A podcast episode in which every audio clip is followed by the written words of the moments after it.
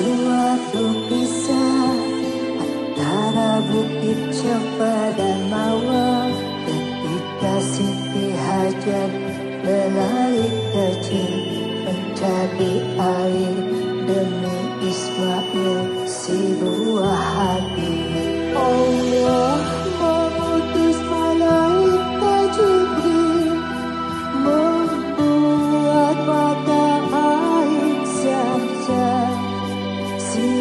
Siti Hajar dan Nabi Ismail mengalih sumber kehidupan.